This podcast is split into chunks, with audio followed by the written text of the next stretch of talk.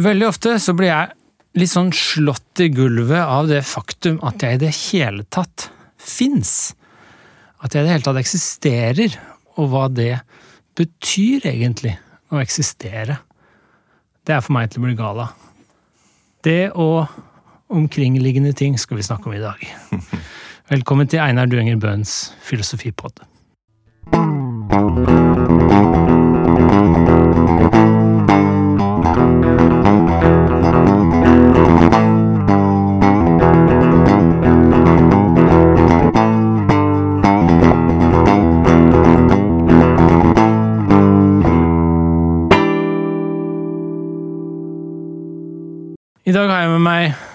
Ingen andre enn Lars Svendsen.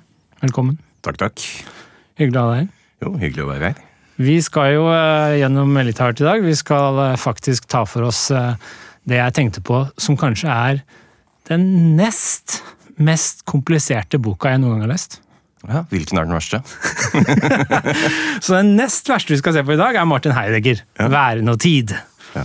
Jeg tror den verste, den mest kompliserte, er Hegels åndens fenomenologi. Ja, den er lei, den. Ja, den tror jeg faktisk er verre.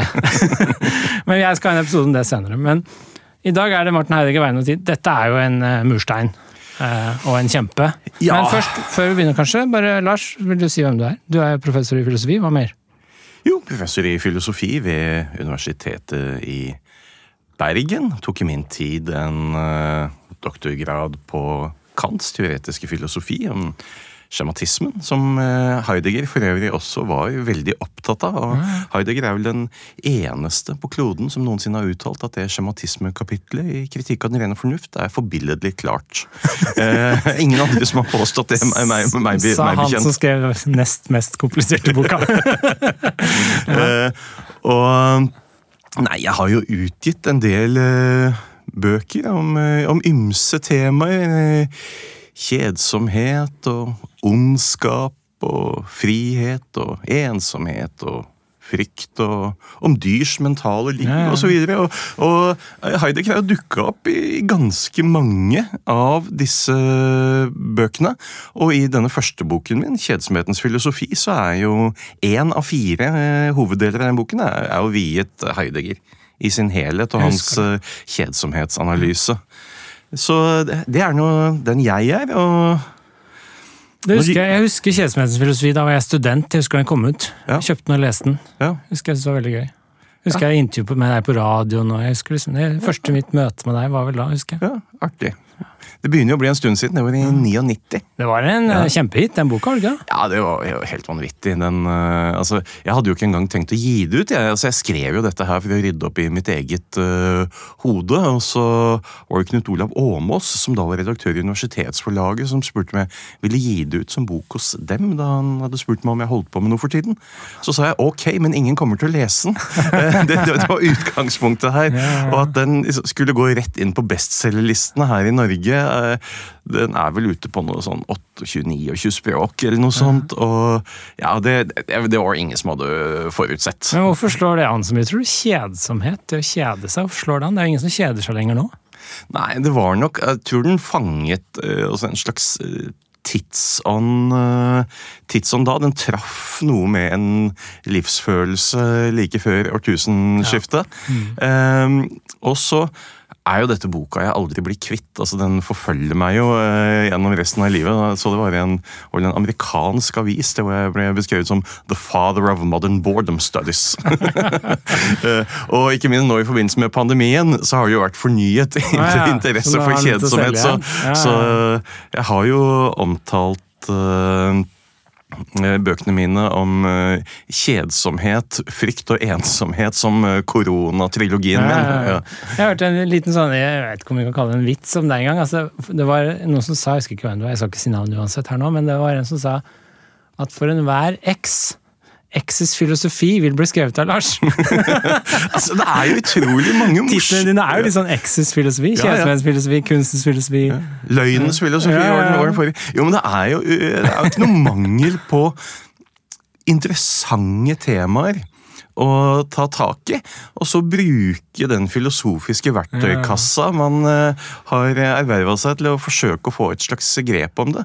Eh, en betingelse er at jeg skriver aldri bøker om noe jeg syns jeg har skjønt. Altså For meg så må det å skrive en bok være en oppdagelsesprosess. Altså Jeg skriver jo boka for å skjønne meg på et Ja. tema.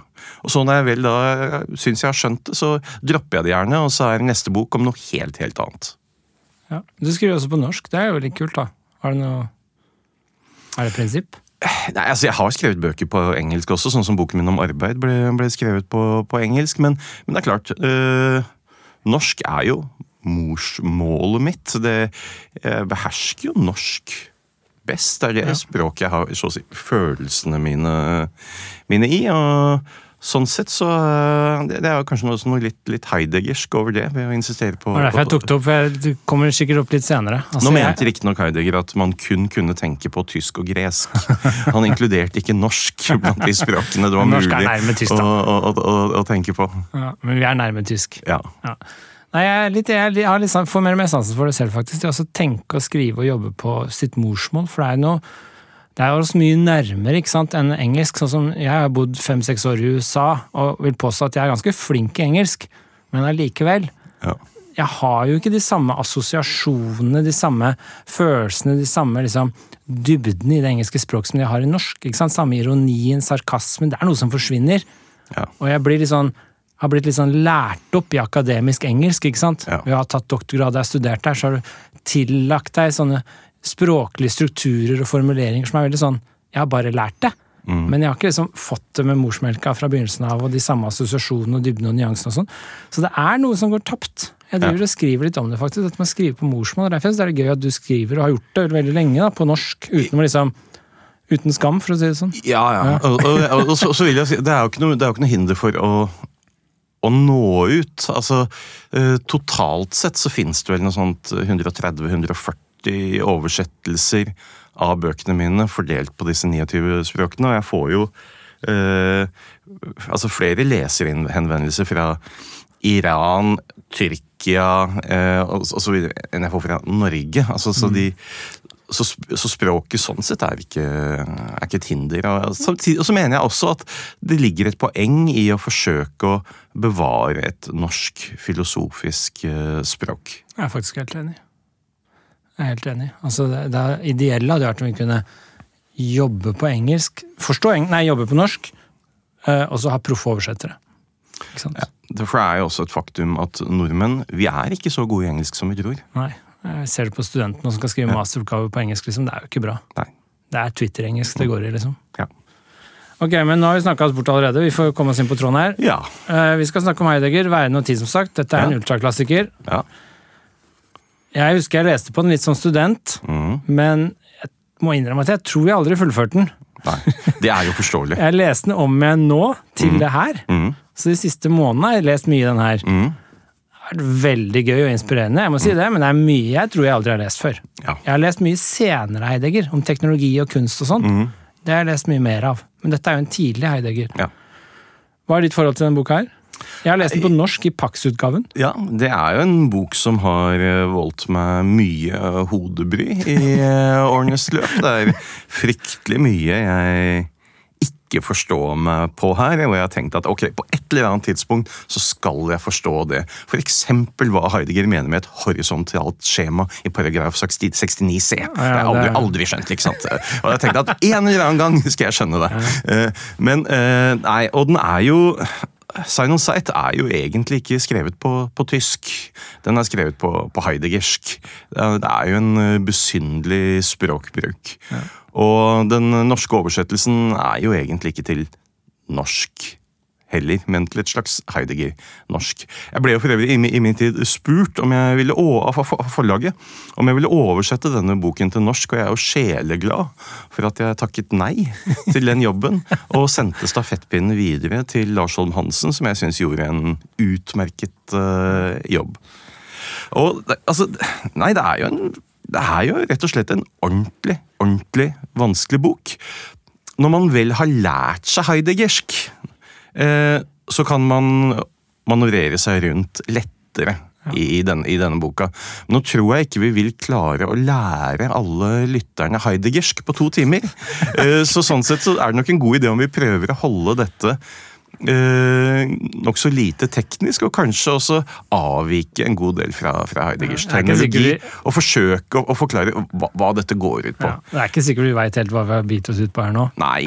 Eh, og så må det jo nevnes også at denne boka, selv om det jo er en uh, murstein som er vrien, er jo bare en uh, liten del av det den skulle ha Ja. vært. For det skulle ha vært en del to. Ja ja, del én er ikke ferdig engang.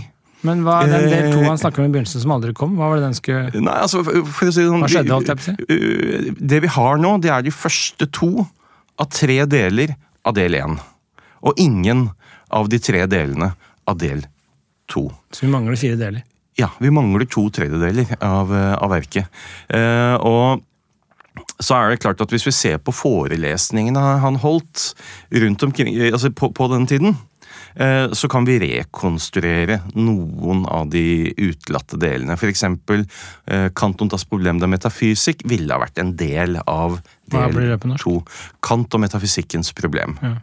Eh, eh, og mens del eh, Del tre av del én, som da skulle hete Tid og eh, den eh, Noe av det er dekket inn i forelesninger holdt eh, omtrent på, på, på samme tid. Eh, men han utga også senere en liten tekst som het eh, Tid og vern. Men, men det er ikke den manglende del treen her. Han konkluderte med at dette prosjektet var i realiteten ugjennomførbart. Altså, prosjektet kunne aldri komme i mål. Men forkaster han ideen, eller? Eller bare at han ikke orka å fullføre? Nei, jeg tror han ser på det som Til syvende og sist så vurderer han dette senere som prinsipielt ugjennomførbart prosjekt i dets daværende utforming. Og han mener nok også at eh, selv om denne del to, som da skulle være viet en såkalt destruksjon av eh, tidligere metafysikk, av en destruksjon av filosofihistorien, sånn at den ikke ville stenge for eh, innsiktene vi, vi behøver. Så var han fortsatt forfanget av tradisjonell filosofi. Han satt fortsatt for mye fast i egentlig subjektsfilosofi, i forlengelsen av Descartes osv. Så, videre. så Så han, han mente nok at dette var en, en til syvende og sist en, en slags blindvei, eller i, i høyden en slags begynnelse som ikke kunne, kunne føre frem. Og så må vi også si at denne boka den hører jo da hjemme innenfor et sånt enormt stort verk. Altså Heideggers Gesamtausgabe, altså den samlede utgaven av hans skrifter som han selv la, la planene for, er jo på over 100 bind.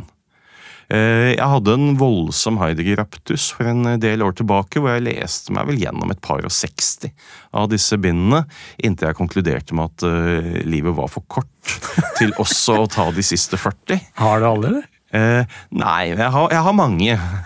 eh, eh, eh, så nei Hvor mye er det oversatt til engelsk eller norsk?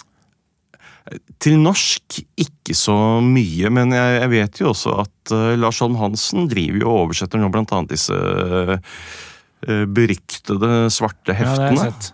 Eh, så er det jo eh, kunstverkets opprinnelse er oversatt til norsk, en del mindre tekster osv. Men, men det, er, det, er ikke, det er ikke veldig mye Heidegger på norsk. Eh, det er eh, ganske mye som er oversatt til engelsk. Ja, jeg engelsk. men jeg er jo tilbøyelig til å si at Heidegger er komplett ubegripelig på engelsk. Eh, det er ofte noe som skjer når eh, tysk filosofi oversettes til engelsk, med at det blir en del eh, veldig viktige sånn, meningsforskyvninger. Kant på engelsk også syns jeg ofte blir, blir veldig, blir veldig rar. Hvor han blir en mye mer, eh, så å si, mentalistisk eller eh, psykologistisk filosof, og, og, og mindre fenomenologisk. Jeg har jo lest denne eh, spørsmål om teknikken Ja. eh, til Heidegger, som er oversatt til norsk som spørsmål om teknikken. Ja. Den er jo på engelsk oversatt til question of technology, Ja, som er spørsmål om teknologi, som Ja. egentlig er noe helt annet. ja, Så det er en meningsforsyning, som du nevner da, i oversettelsene til den engelske. ja. Så det er en del sånne småting. Ja. Men du, nå tror jeg vi allerede har mista halvparten av lytterne våre. Så Det, nå, det kan være. nå må vi tilbake til hva denne boka egentlig handler om. For jeg har lyst til at vi skal liksom eh, prøve rett og slett prøve å forstå denne boka.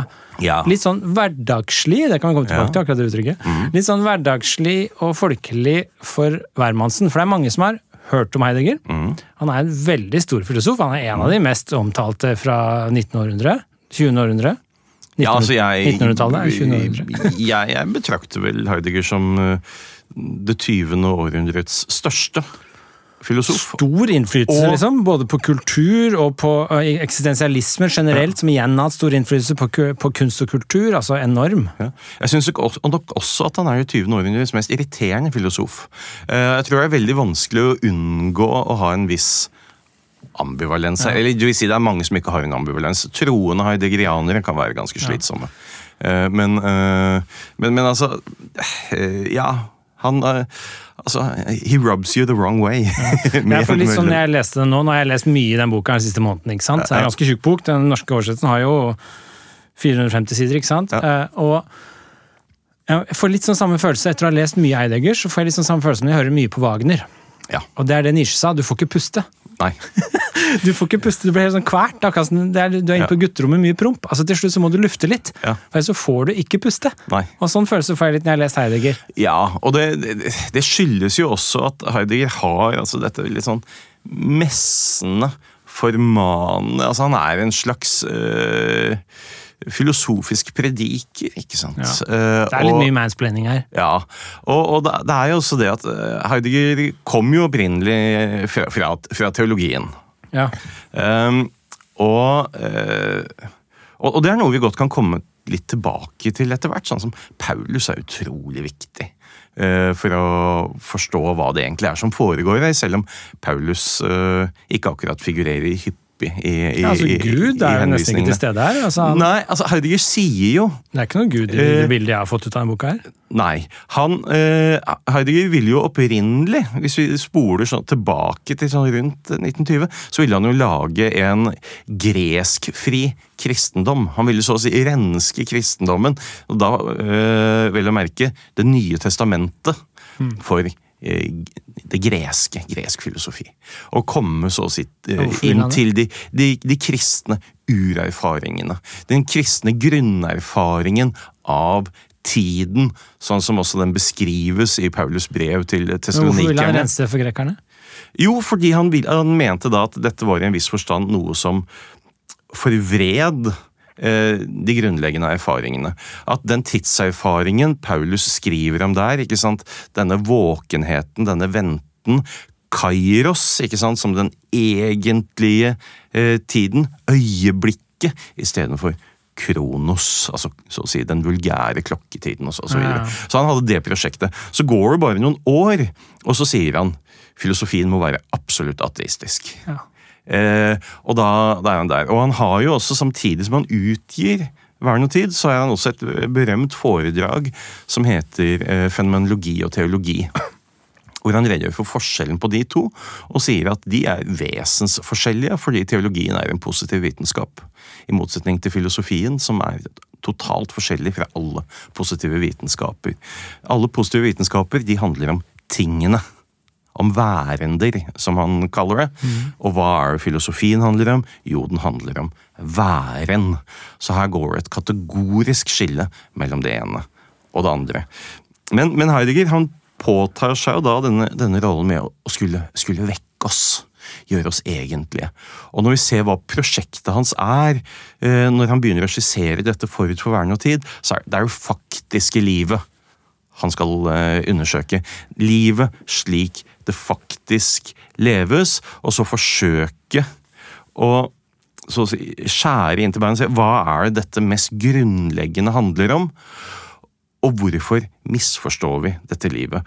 Han ser på oss som vesener som har en iboende tendens til å flykte bort fra oss selv, eller i en viss forstand gå litt sånn så, søvngjengeraktig gjennom tilværelsen.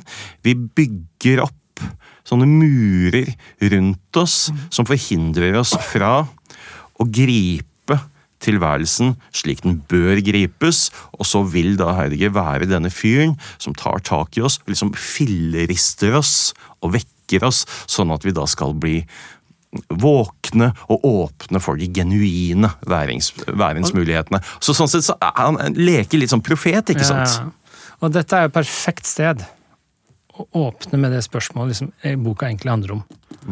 Eller som han begynner med, da. Ja. Eh, og det er liksom det spørsmålet om væren. Ja. Han snakker om spørsmålet om væren. Han sier jo aldri helt klart nøyaktig hva det spørsmålet er, interessant nok. Nei. Men det er liksom spørsmålet om væren som han mener har vært neglisjert siden før sokratikerne, kanskje. Før Før type sånn 500 år før vår tidsregning. Altså, det har vært går- neglisjert i filosofihistorien fordi vi har holdt oss til dette substans, at alt er gjenstander, alt er objekter. Mm. Og så har vi glemt liksom hva væren som sådan er. Mm. Så han vil virkelig ned til liksom rock bottom her. Han vil oh, ja. liksom, Hva er det å være? Hva Mm. vil det si å være? Det er det som er spørsmålet, er det ikke det? Ja, altså, jeg, jeg jeg vil vel si at dette spørsmålet om væren eh, alltid har vært et eh, mysterium innhyllet i lag på lag med gåter. Hva er spørsmålet her egentlig? Er dette et ordentlig spørsmål? Eller er det en slags retorisk brekkstang? Hva, hva, hva er det? Det er et vanskelig spørsmål å få å, å få tak For det er, på. det er et par sånne versjoner jeg syns er litt kule. Altså, det ene er sånn som er veldig sånn inn i moderne filosofi. Er sånn, hva er, hva er det som er? Hvilke Ja. ting er det som fins? Ja. Hva slags ting er det som fins her i verden? Ja. Det er liksom moderne ontologi, som det kalles. Det er liksom studie av hva er det? Jo, det det, er jo være- mennesker, det er steiner, det er materielle ting, er det bevisstheter? ikke sant? Så er det spørsmål hva er det som fins? Og stort mer degenerert enn å snakke om det på den måten, vil Heidegger si at det kan det jo ikke være. Nei, så det er liksom et spørsmål som det ikke er det han stiller. Det er ikke det det handler så om. det det handler om mer er sånn, hva er væren som sådan? Ja. Eh, Men det er også litt sånn tvetydig mellom hva er væren, og hva er betydningen, eller meningen til væren. Han hopper litt mellom de to. mening, ja. Mm -hmm. Fordi jeg, jeg tenkte på det på, når jeg leste, altså det er jo veldig sånn du kan, Hvis du sier ok, vi skal ikke stille spørsmålet hva slags ting fins, men vi skal stille spørsmålet hva er væren? Da stiller du egentlig bare det spørsmålet om igjen. Ja. På væren. Du Ja. Mm. sier hva er det? Da sier du jo hva er disse tingene. Så det kan ikke være helt det. Ja, nei, og de- dette, øh, dette er jo også øh, en av hovedgrunnene til at Heidegger skriver såpass snålt som han jo gjør. Og det er jo fordi at språket vårt så til de grader er rettet mot tingene. Eh, språket vårt vil ha den tendensen til å tingliggjøre alt vi, vi, vi, vi retter oppmerksomheten vår mot. Så da å finne en måte å snakke om væren på hvor du ikke gjør væren til en ting, ja. blir jo da nettopp øh, en, en utfordring øh, Og det kan være spørsmål hva er betydning? Hva betyr egentlig veien? Hva er dens betydning? Ikke sant? Eh, Hva er Og dens så sier jo da Heidegger at vel, hvis vi skal komme noen vei med eh, dette spørsmålet, så må vi ta utgangspunkt i den type værender som har et forhold til væren. Altså den type værender hvis væren så si, betyr noe for dem. Og hvem er det? Jo, det er oss. Eh, Det er det han kaller der-væren. ja, og det, og det er jo et øh, øh, stort tema. Hvordan Dasein Dasein, ikke sant? Dette, dette tyske uttrykket Bør man i en oversettelse til norsk øh, oversette det? Mhm. Eller skal man bare la det stå på tysk som den litt uh, uh, Som det litt Så pussige hvis du hadde uttrykket der? oversatt den, hvis du hadde sagt ja, så hadde du latt den stå? Nei, altså derværen, tilværen Nei, jeg, jeg tror det, det, det er ingen løsninger her som man er helt komfortabel med. Så løsningen som er valgt her, å oversette det med derværen, er vel så, så, så god som noen. Og, sant? Men derværen da seg, og jeg kommer helt sikkert til å veksle frem og tilbake mellom Jeg de tror på engelsk også så uttrykkene. bruker man vel dasein i den engelske oversettelsen. Ja. Jeg tror de lar det stå. Uh, man har vel prøvd seg her og der med, med liksom 'being there' med, med, med bindestrek, uh, men ja. Uh, Men altså bare sånn for å få lytterne til å henge med her. Ja. Derværen, det det er altså denne eksistensen, eller denne værende, som Eller som for Eller denne værende som stiller spørsmål om sin egen væren. ja. Så der-væren er egentlig sånn som oss. Den, det er en type ting som lurer på sin egen eksistens. Ja, Det og, er en selvrefleksiv ting, egentlig. ja, altså vi kan si at der-væren er noe som kan ha et forstående selvforhold. Eh, Hmm. Og det er utgangspunktet, der begynner begynneren for å forstå betydningen av væren. Ja, og så kan vi jo si, hvordan avgrenser vi det? Kunne vi ikke like gjerne sagt eh, subjekt? Ja. Uh, og det sier han faktisk også i en eh, for, men jeg tror jeg Eller bare, person, tenkte jeg på. Ja, det er bare en liten glipp han har i en forelesningsrekke i 25, er det vel, hvor han kaller Dasein subjekt. Men, Når er den boka her utgitt? 1927. 27. Ehm, og, men det er jo de som har sagt at derværen har jo en mye videre betydning enn det. Det er en kommentator som sa f.eks. en flyplass kan være der væren. Hvis alle da, da, de som er på denne flyplassen eh, ser på seg selv som en slags enhet og kan stå et forstående selvforhold. Eh, I den, eh, i, eh, når vi beveger oss noen år eh, etter vern og tid, eh, hvor Heidegger jo blir en nokså dedikert nazist, kan vi vel Ja. rett og slett kalle det. Det, er vi, Vi kan ta det etterpå. det kan vi komme Ja. inn på. Men, men der gjør jo eh, Heidegger egentlig hele det tyske folket om til en der væren. ikke sant? En enhet som står i et forstående selvforhold. Men slik uttrykket er brukt i denne boka, tid, så er det rimelig å si at ja, det er noe i retning av et uh, subjekt. Grunnen til at Heidegger ikke vil kalle det subjekt, er at da tenker han at da stiller vi så å si et isolert subjekt overfor et isolert objekt ut fra en sånn klassisk motsetning. Og hans poeng er jo nettopp at det er en veldig avledet uh, teoretisk betraktningsmåte som stenger for innsikten i hvordan vi faktisk er i verden. Vi er der! Altså, Vår væren er en væren i verden, ikke en verden stilt, ikke en verden stilt overfor. verden. Ja, for dette er litt Verden. viktig. altså Måter å være i verden på, når han snakker om hele tiden. Ja, det, det gjør han jo.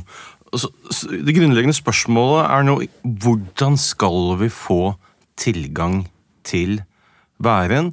Jo, vi må begynne med den type værender som vi er i vår hverdagslighet. Og eh, Heidegger er veldig opptatt av metode i, i, dette, i dette verket. Og jeg tenkte jeg skulle ta en eh, liten passasje her fra boken, så kan også folk få en smakebit på hvordan prosaen Ja. til Heidegger faktisk er. For det mister vi ingen lyttere på. Du, her kan folk falle fra i hopetall. Eh, men, eh, men eh, for de som henger med her, så skal vi prøve å oppklare etter beste evne okay, i etterkant hva eh, Heidegger er hvor? faktisk side- skriver. Dette er på side 44 i eh, den norske utgaven. Det er da annet avsnitt av paragraf 5. Følg med, lyttere. Ja, så Heidegger skriver Derværens påviste ontisk-ontologiske forrang kan forlede oss til å mene at dette værende også må være det som er primært gitt i ontisk-ontologisk forstand, og ikke bare slik at dette værende selv kan gripes umiddelbart, men også slik at dens værensmåte er like umiddelbart forutgitt. Derværen er riktignok i åndtisk forstand ikke bare nær eller kanskje det nærmeste, vi er den sågar alltid selv. Til tross for dette, eller nettopp derfor, er den ontologisk sett det mest fjerne. Det tilhører riktignok derværens mest egne væren å ha en forståelse av denne væren, og alltid allerede holde seg innenfor visse forutgående utlegninger av sin væren. Men dermed er det slett ikke sagt at vi kan overta denne nærmeste førontologiske værensutlegningen av derværen som en passende ledetråd, som om denne værensforståelsen nødvendigvis springer ut av en tematisk ontologisk besinnelse overfor den mest egne værensforfatningen. Derværen har snarere, i tråd med en særegen værensmåte, en tendens til å forstå den egne væren ut fra det værende som den bestandig og i første omgang vesentlig forholder seg til, det vil si ut fra verden. I derværen selv, og dermed i derværens egen værensforståelse, ligger det det vi skal fremvise som verdensforståelsens ontologiske tilbakestråling på derværensutlegningen. Ja, dette er klart som blekk, ikke, ikke sant? Eh, hva- Det skjønte vi. Ja, hva- er det eh, Hva er det han prøver å si her? Skal vi prøve å ta det på norsk? Ja. ja. ja. Det eh, Heidegger sier her, det er at han, han, han går egentlig ut fra et sånn klassisk filosofisk paradoks. Altså, hvordan kan vi egentlig lete etter noe? Eh, fordi eh, Filosofisk sett, for at hvis vi vet hva det er, så behøver vi ikke å lete. Og hvis vi ikke vet hva det er, så vet vi ikke hva vi skal lete etter. Så, så hvordan kan en filosofisk undersøkelse i det hele tatt begynne? Jeg har et svar. Hm? Jeg har et svar. Du har et svar, fint. Ja. Nei, Du begynner med noe vagt. Du må ha en vag Ja. fornemmelse, Ja. og så søker du deg innover. ja, nettopp. Og dette er jo det uh, Heidegger her uh, kaller det førontologiske. Det, det han kaller førontologisk, er så den vage, utematiserte værensforståelsen som vi alle har i hverdagsligheten. Og så må vi begynne der, og så må vi så si jobbe oss innover i materien. Og da vil vi gå altså, hermenautisk til verks. Vi går tolkende til verks.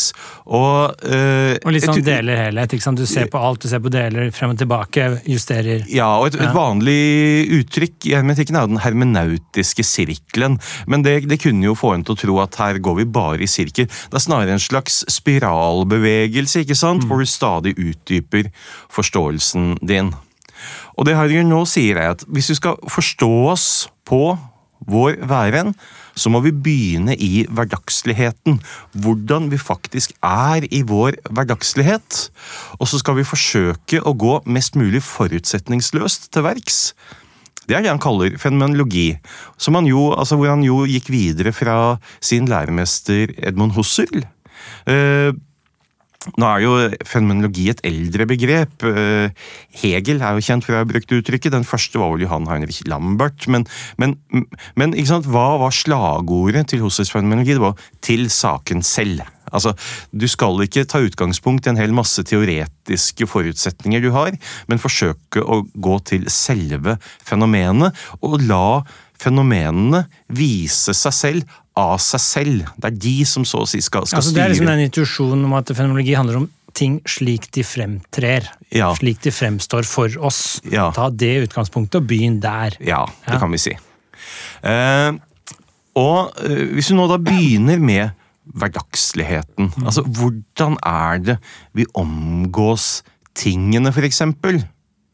Så sier jo Heidegger at eh, en, filosofien ofte har, har gjerne har trådt feil, ikke sant? fordi den tror at uh, tingene er noe vi omgås uh, teoretisk. Ikke sant? At uh, vi feller påstander om disse tingene. Vi har, har det han da kaller et eh, apofantisk som, altså noe som noe, hvor vi da feller teoretiske dommer eh, om, om ting. Sier han nei, det er, det, er, ikke, det er jo ikke sånn vi først og fremst omgås tingene. Det er snarere ut fra et hermenautisk som, som er en brukende omgang med tingene. Har en hammer, ikke sant? Den er ikke først og fremst et eh, betraktningsobjekt for deg, som du kan uh, måle vekten på, lengden på osv. Den er jo der for at du skal slå en spiker. ikke sant? Det er det som er din primære omgang med tingene. Og så øh, går han jo vi- vi- videre derfra. ikke sant? At øh, Hva er denne hammeren til? Jo, den er til å slå inn spikere med. Hva er spikeren til? Jo, den er jo til å feste planker med. Hva er disse plankene til? Jo, de er til å bygge et hus. Og så fortsetter du med disse henvisningssammenhengene, og de vil jo til syvende og sist peke tilbake på deg. Så dette litt, men dette er også litt den tingen om at du skal la tingene få være sånn de er. Ja. Og ikke på en måte tenke de i hæl eller snakke Mm. de i hæl. Så hammeren, bare la det være en hammer, og så bare gi deg hen til hammeren. Som det den er, og ditt forhold til den. Ja. Da er det liksom Det er slik tingene er. Ja, og, og Det er når- utgangspunktet. Ja, og, og når Harry gjennomfører den delen av analysen, så virker han jo nesten litt sånn språkfiendtlig. Idealet blir jo disse tømrerne som står der ikke sant, og banker inn spiker etter spiker. Åne ein Wort zu verlieren, som, som Heidegger skriver, uten å ytre et ord. ikke sant, Det er bare den der tause hamringen. Eh, Jeg liker det litt, ut- jeg, altså. Uten å være sånn eh, degenererte teoretikere. Eh, Jeg er Født og oppvokst på landet, jeg liker det. ja. Eh, eh, men ikke sant, til syvende og sist, ikke sant, denne henvisningskjeden den, den stopper jo et sted, og den stopper hos deg. Denne tømringen er jo altså, til syvende og sist da et uttrykk for din omsorg. Ikke sant? For uh, du er et vesen som bryr deg om din egen eksistens. Altså uh, Og denne omsorgen er jo det fenomenet som egentlig samler hele din tilværelse. Omsorgen den inneholder eh, så å si alle tidens tre modi. Den inneholder fortiden, hva du ble kastet inn i verden som. Den inneholder fremtiden, de utkastene du gjør mot fremtiden. Hva du skal gjøre i dette huset, hus, hus og så videre. Og den inneholder nåtiden. Men nåtiden er en litt sånn tricky størrelse her, for eh, slik Heidegger ser det, så, så preges nåtiden av uh, egentlig det, det han kaller et, et, et forfall. Uh, dette er ikke da først og fremst tenkt som en uh, kulturdiagnose. eller noe sånt. Altså, Fenomenet forfall her betyr at vi har en tendens til å tolke oss selv ut fra de tingene som, en til, som til enhver tid omgir oss. At vi så å si mister oss selv til omgivelsene, istedenfor å være oss bevisst våre egne verdensmuligheter. Um, Men det er- altså, bare sånn for å understreke det her, altså dette omsorgsbegrepet han bruker, han er veldig opptatt av det her i boka. ikke sant? sant? Altså Omsorg er en av grunnstrukturene til derværen. Det er, en ja, ja. vesens, det er, en, ve, det er en, av si- våre, en av vår vesenstrekk er omsorg. jeg vil si det er mest grunnleggende. Men det er jo ikke, en, altså det er jo ikke umiddelbart en sånn veldig sånn folkelig omsorg med en gang. Det er ikke sånn veldig sånn omsorg som vi tenker på sånn jeg har omsorg for mine barn. Det er, mer, det er ganske grunnleggende omsorg. Det er sånn Ja. du bryr deg om liksom bare din alt egentlig du gjør, når Ja. du tilrettelegger, når du planlegger, når du er, når du tenker, så er det på en måte en slags du bryr deg om, er egentlig et bedre Ja. uttrykk. Er det ikke det? En omsorg? Altså, omsorg kan fort bli veldig moralsk. Ja, dette, dette er ikke noe touchy-feely i, i, i det hele tatt. For dette er, en, dette er måten vi er essensielt på. Vi har Ja. omsorg for alt. Og, og din, eh, så å si, din sånn uh, Artig at det kommer fra en nazist, da. Ja. Men den, sant, den omsorgen du snakker om for dine barn, eksempel, den vil da være et, eh, det han kaller altså et ontisk uttrykk for den ontologiske grunnstrukturen som er omsorg, som jo er en uh, mye mer abstrakt størrelse, hvor tidens uh, tre, uh, tre akser, så å si, er, er, er, er, er, er samlet. Ja, for det jeg tenker på, Den omsorgen jeg har for mine barn, for eksempel, det er på en måte en utledet, moralsk ladet form for omsorg som Ja. på en måte kommer fra den opprinnelige, men den opprinnelige er mer eller mindre amoralsk. Det er bare jeg besørger, er har forsorg, jeg sørger for ting. Ja, det er, en, Ja. det er en struktur som er definerende for din tilværelse. Ja, Rett og slett. Ja. alle derværende. Ja. Din òg. ja, ja. Ikke bare din, ja. Vår, vår alles. Ja. Nei, for Det er ganske interessant, syns jeg. da. Altså, Mm. At det er, liksom, det er sånn vi er. At vi sørger for ting. Det er ganske Mm. sånn Litt sånn uvant for moderne filosofi å ta Mm. det utgangspunktet, liksom. ja. Men så vil jo da Heidegger si at vi har da i vår hverdagslighet denne stadige tendensen til, til, eh, til forfallet, som da er eh, en av hovedkildene til vår tildekning av oss selv. Til at vi så å si mister våre egne genuine værensmuligheter av syne. Altså Heidegger er opptatt av to, to typer eh, stengsler her. Det ene er den filosofiske tradisjonen, ikke sant? og den skal vi forsøke å, å holde unna. Dels ved å gjennomføre da det, det han kaller en destruksjon av, av, av eh, klassisk metafysikk. Han vil liksom nullstille og begynne på nytt. Ja, Og, og dels da ved å følge et fenomenologisk program til sakene selv. Ja. Eh, og, eh, og så skal han da vekke oss. Sånn at vi f.eks. ikke da kun blir et uttrykk for eh, det han kaller das man. Altså mannene. At uh, hvorfor, hvorfor gjør du dette? Jo, men det er jo sånn man gjør.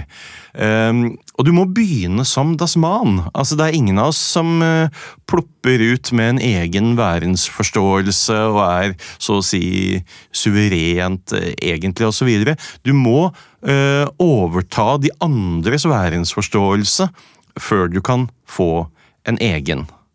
Så man er, det er ikke noe mannlig over det, ikke sant? Bare sånn, det er mer den det er sånn man gjør, som du sier. Altså, Ja. Når jeg sier sånn Man kan tenke seg, eller man Ja. gjør jo sånn og sånn, man kjører på høyre side av veien. Ja. Så er det den hverdagslige væremåten hvor man på en måte går Ja. ut av seg selv litt. Ja. Og så ikke er seg selv fullt ut, men Ja. man er sånn som de andre for å koordinere og tilpasse. ja eller, eller fyller sosialt definerte roller. Man blir mer generisk. Ja, øh, hvem er du? ikke sant? Jo, jeg, er- jeg er bussjåfør. Altså, du, du, i- Istedenfor å være rettet mot dine egne unike verdensmuligheter, så lar du deg definere i disse sosiale kategoriene. Eller du definerer deg selv. Eh, er Mer presist å si, ut fra det. Og så vil jo da Heidegger si at det som er det avgjørende her, er å bli klar over de egne væringsmulighetene. Og her er jo et viktig skille, eh, går jo da mellom egentlighet og uegentlighet. Som da i engelske oversettelser ofte blir eh, authenticity and inauthenticity, men jeg syns egentlighet og uegentlighet passer bedre, fordi du får dette trykket på egen. Um, og Så kanskje egentlig hadde funka? ja, Og kanskje. uegentlig, for egentlig får litt sånn følelser av liksom sånn det ekte sanne, og uegentlig det falske.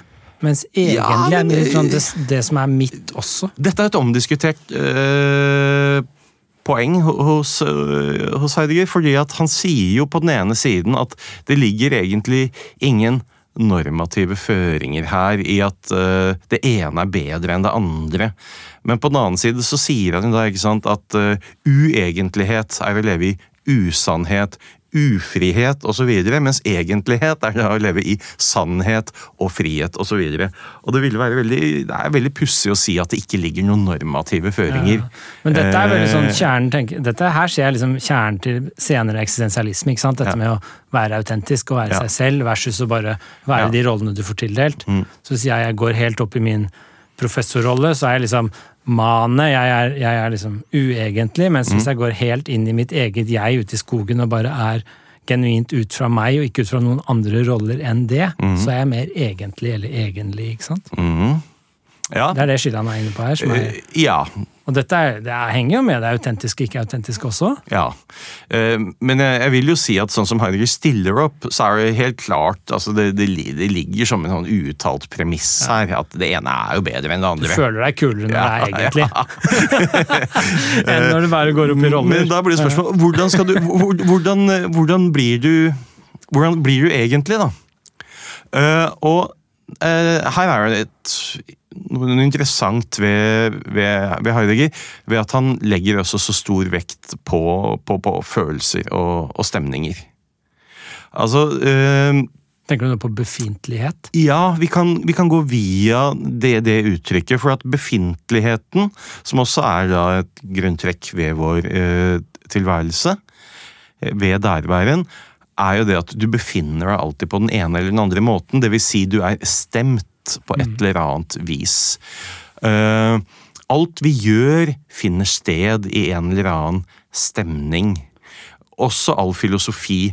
Og Filosofien har tradisjonelt vært sånn veldig cerebral. altså det er, Dette er så sin, den, den rene tanke. Og Heidegger vektlegger nettopp at også all filosofi finner sted i en, en stemning.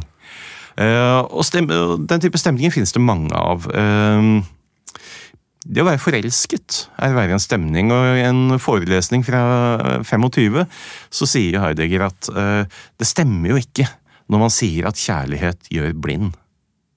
Tvert imot så eh, gjør kjærligheten det mulig for deg å se eh, ting, å se noe ved verden som du ikke kan se når du ikke er forelsket.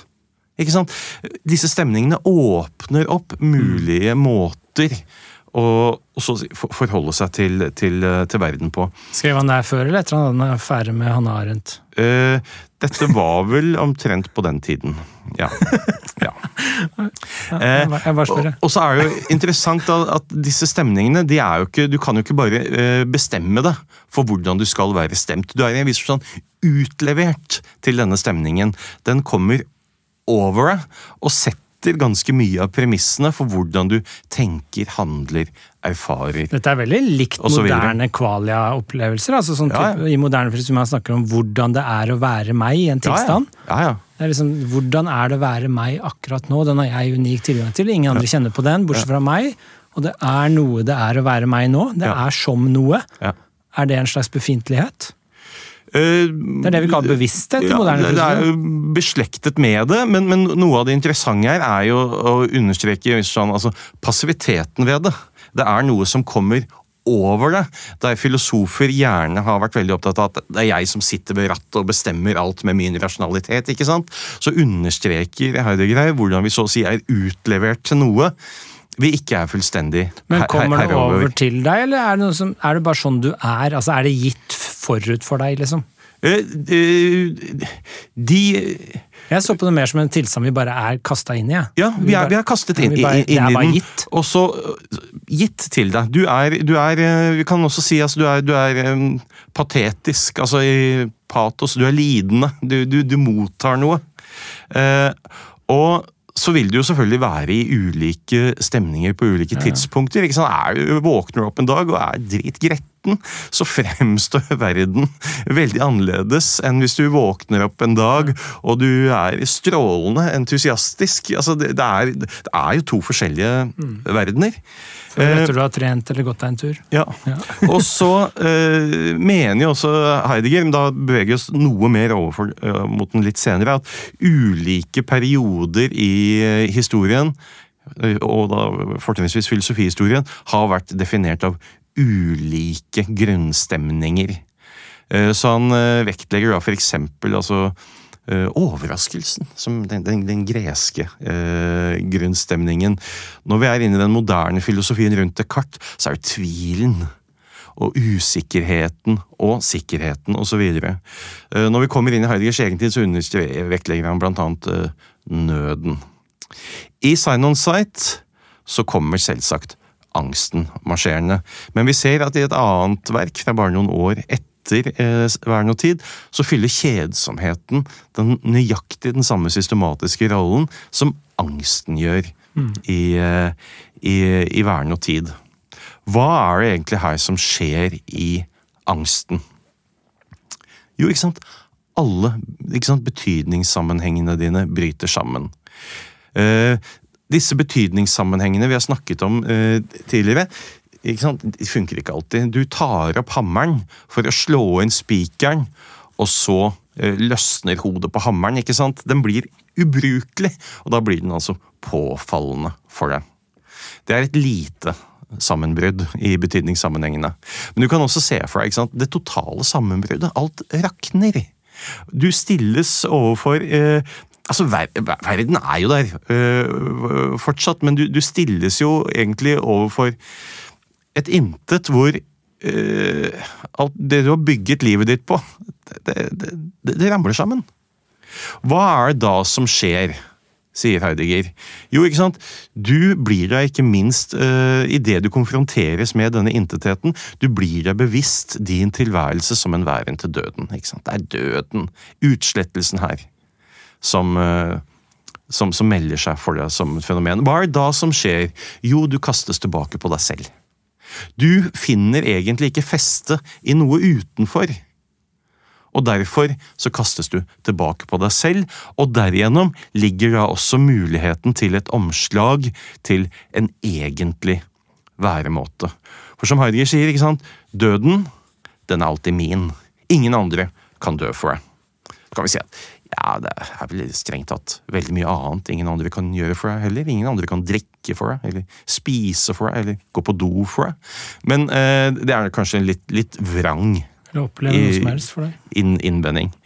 Eh, så, altså, så, så, så sier han da, ikke sant, altså, så den, ikke sant, denne erfaringen av at du skal faktisk dø, den bevisstheten om dette, den individualiserer.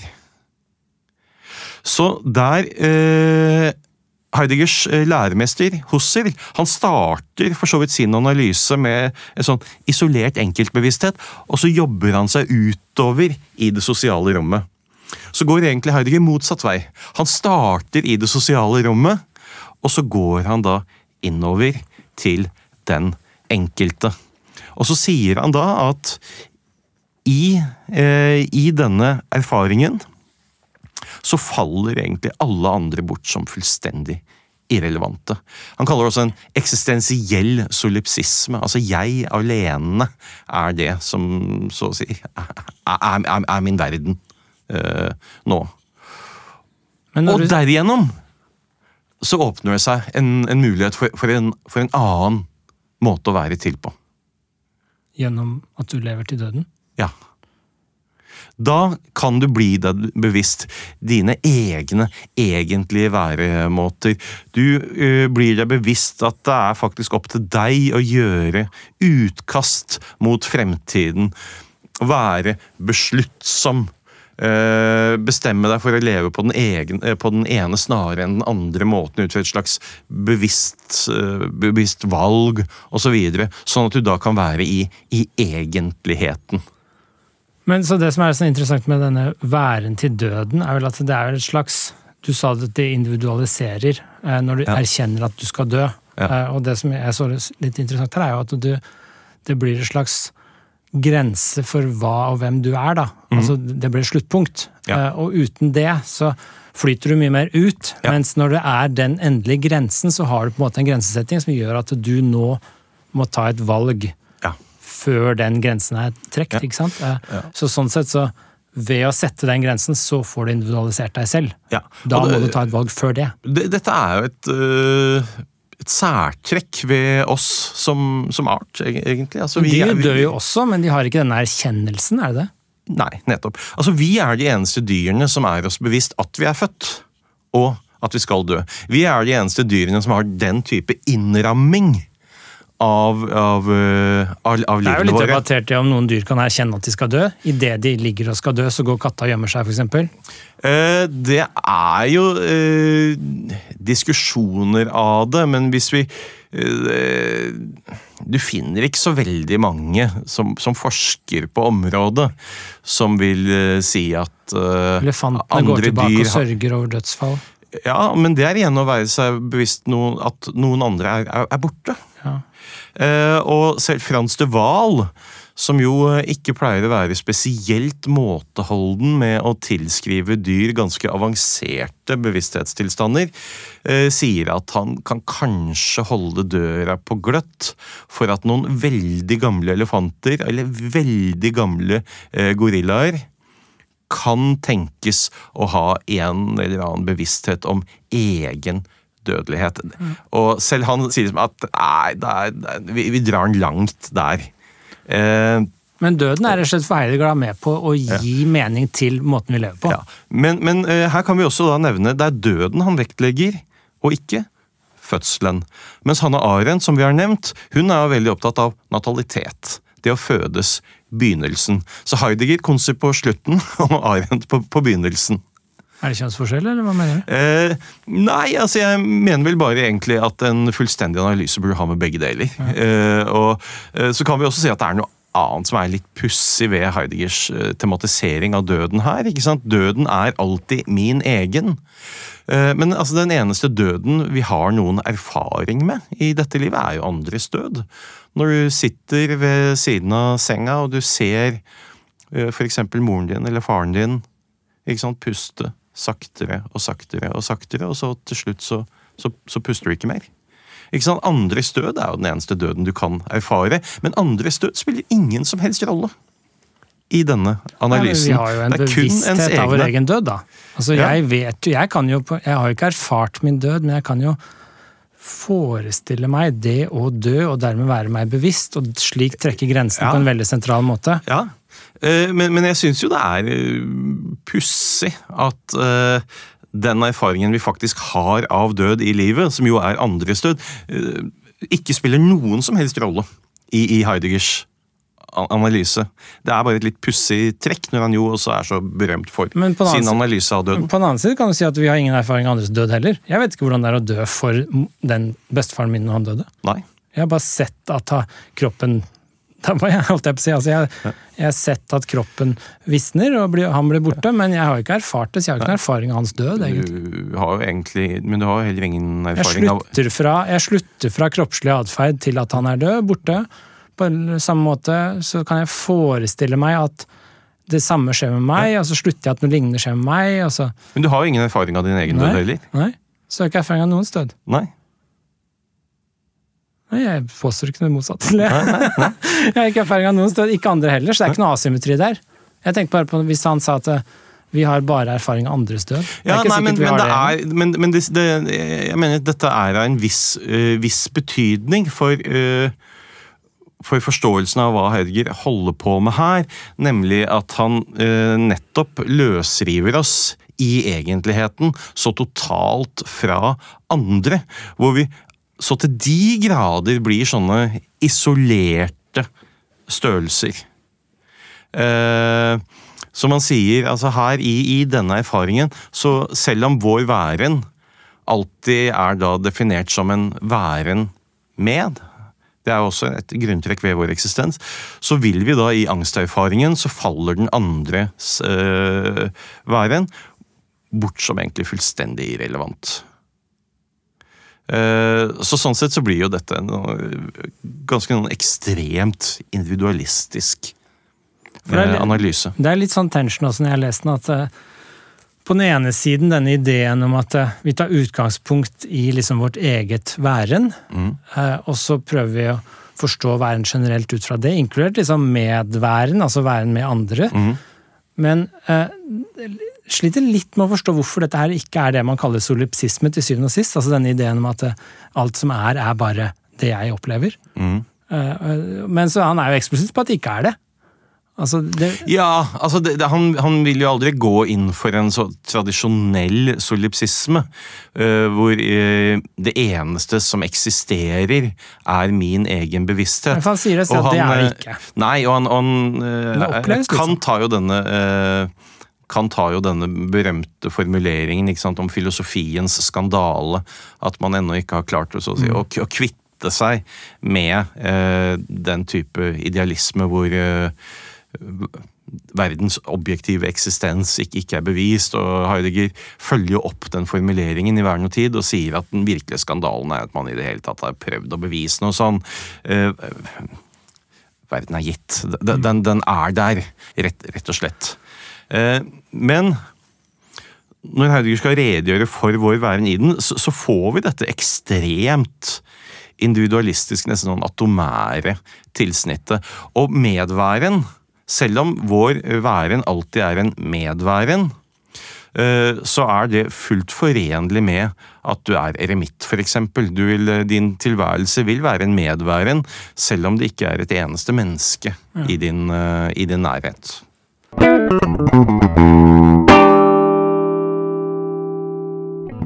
Kan, altså nå har vi vært innom liksom dette derværen. Jeg har lyst til å nå liksom prøve å si Gi et sånn, litt sånn intuitivt bilde på hva vi står igjen med, og så kan du si hva det er som bør korrigeres litt. Grann. Fordi når vi, vi var inne på dette med at liksom det er dette tar utgangspunkt i mitt, min væren, og sånn det oppleves av meg, min fi, befintlighet, min stemning, jeg opplever min omsorg for det jeg omgås og gjør, min retta mot døden, altså jeg lever mot fremtiden, mot det at jeg skal dø som sluttpunkt, og så skal vi, eh, må vi ta beslutninger før det skjer. Og dette er noe som driver oss fremover. Men sånn intuitive bilde jeg sitter med, da, det er liksom Hvorfor er ikke dette solipsisme, for eksempel, hvor det bare er jeg som fins? Jeg ser på liksom at du, Det han beskriver, da, det er et Dette er veldig visuelt, da, så du kan tenke på det, men det er et slags Han åpner opp, han begynner da, med å åpne opp et slags felt, eller en slags dimensjon, av, av liksom en opplevelsesdimensjon. Et felt. Og så, i det feltet, så er det på en måte veldig mange vinduer inn. Og hver av oss, alle disse derværende, vi sitter og ser inn i hvert vårt vindu. Og så Der er vi liksom kastet, det er utgangspunktet. Høres nesten mer ut som Leibniz, det her. Ja, det- det- Monodologien. Ja, nei, det, det er liksom inntrykket, Ja. bildet jeg satt igjen Ja. med. Men vi, for at det ikke skal bli solipsisme, da. Ja. eh, At det ikke bare skal bli mitt ene vindu inn til en dimensjon, og så er det ikke noe annet. Mm. Men er det ikke noe sånn Visualiserer du ingenting sånn når du leser Heidegger? Jeg tror rett og slett jeg visualiserer veldig lite når jeg leser eh, Heidegger. Ja, da er, det- Du må jo høre på Heidegger, du må gi deg hen til liksom sånn det fremstår. Nei, altså, Kan ikke Nei, lese teori, nei, vet du, Lars. Du det- leve det. Jo, men visualisering altså jeg, eh, Kant skriver jo eh, altså at filosofien er akroamatisk. Den er zum høren. Og for en saks skyld, Heidegger spilte inn forelesninger. Han lagde aldri tegnefilmer. Lagde Aldri tegnefilmer. ja, Så den er, altså, er det- er filosofien er, den er, den er mer, mer auditiv og begrepslig, ikke, ikke så visuell. Jo, jo, men altså veldig mange altså, Jeg visualiserer veldig mye, da, så jeg forstår liksom ikke ordentlig ting før jeg på en måte får det på bilder. Så jeg er veldig sånn visuell, kanskje i motsetning til deg. da. Ja. Uh, og det er litt sånn her jeg så for meg dette, hvordan han åpner opp verden og liksom kaster oss inn i det. Det er liksom å åpne opp et stort felt, og så bare har vi alle hvert vårt blikk inn i det. Og det blikket kommer med stemninger, denne befintligheten. Det kommer med omsorg, denne at vi bryr oss om det vi omgås. Det som er for hånden, til hånden, fremover mot døden. Som gjør at vi beslutter ting. Og så har vi denne, også. i tillegg har vi litt angst. Dette er grunnangsten som han snakker om, er jo denne litt sånn der ubestemte, det er ikke frykt, men litt sånn ubestemte skremtheten over tilværelsen. Ja, at vi er kasta inn i dette. Frykten er jo nettopp sant, frykt for det eller det. For Ja. edderkopper eller Og angsten er bare frykten for tilværelsen. Ja. Ikke sant? Den er ubestemt, det er bare for det å være. Ja. At jeg er kasta inn til å titte gjennom dette vinduet, Ja. det gir meg angst, for jeg vet ikke hva det er som foregår. ikke sant? Den ubestemte frykten. Ja. Eh, Og det er liksom angsten, som jeg ser det, som en sånn grunnleggende befintlighet. En sånn stemning du, som vi har også, da. Eh, Og så har vi litt sånne ting som når du beslutter noe, så får du ikke sant? Da gjør jeg noe. Kanskje enda morsommere bilde er liksom vi ser inn i et vindu, men i tillegg har vi sånne hansker som de som opererer gjennom sånn derre Hva heter det? Sånn derre Du stikker hånda inn i sånn glassbur, og så driver du med Sånne legene har sett det, sånn forskerne gjør på mus og sånn. Så har de musa inn i glassbur, og så stikker du hånda inn i sånne slangehansker. Og så driver du inn i det glassburet uten å berøre det. Ja. Det må jeg si, Et stort mindre heidegriansk bilde enn det har jeg vansker med å forestille meg. Eh, Men altså, det er litt, Ja. altså da liksom besørger vi ting, vi ordner Ja. opp ting, og så eh, får vi litt sånn vi har, vi har også liksom skyld i mye, som han er veldig opptatt av. Mm. dette med at det er, det er ikke bare sånn at vi har skyld som moralsk sett, men igjen litt sånn amoralsk. Akkurat som denne omsorgen. Mhm. Litt sånn grunnting hvor vi bare Det er vår skyld at noe skjer. Når jeg besørger at noe skal skje, så er det også min skyld at det skjer. Mm. Og den skylden er også grunnleggende. Vi er liksom født skyldige, så å si. Vi klarer ikke å ikke være skyldige. Mhm.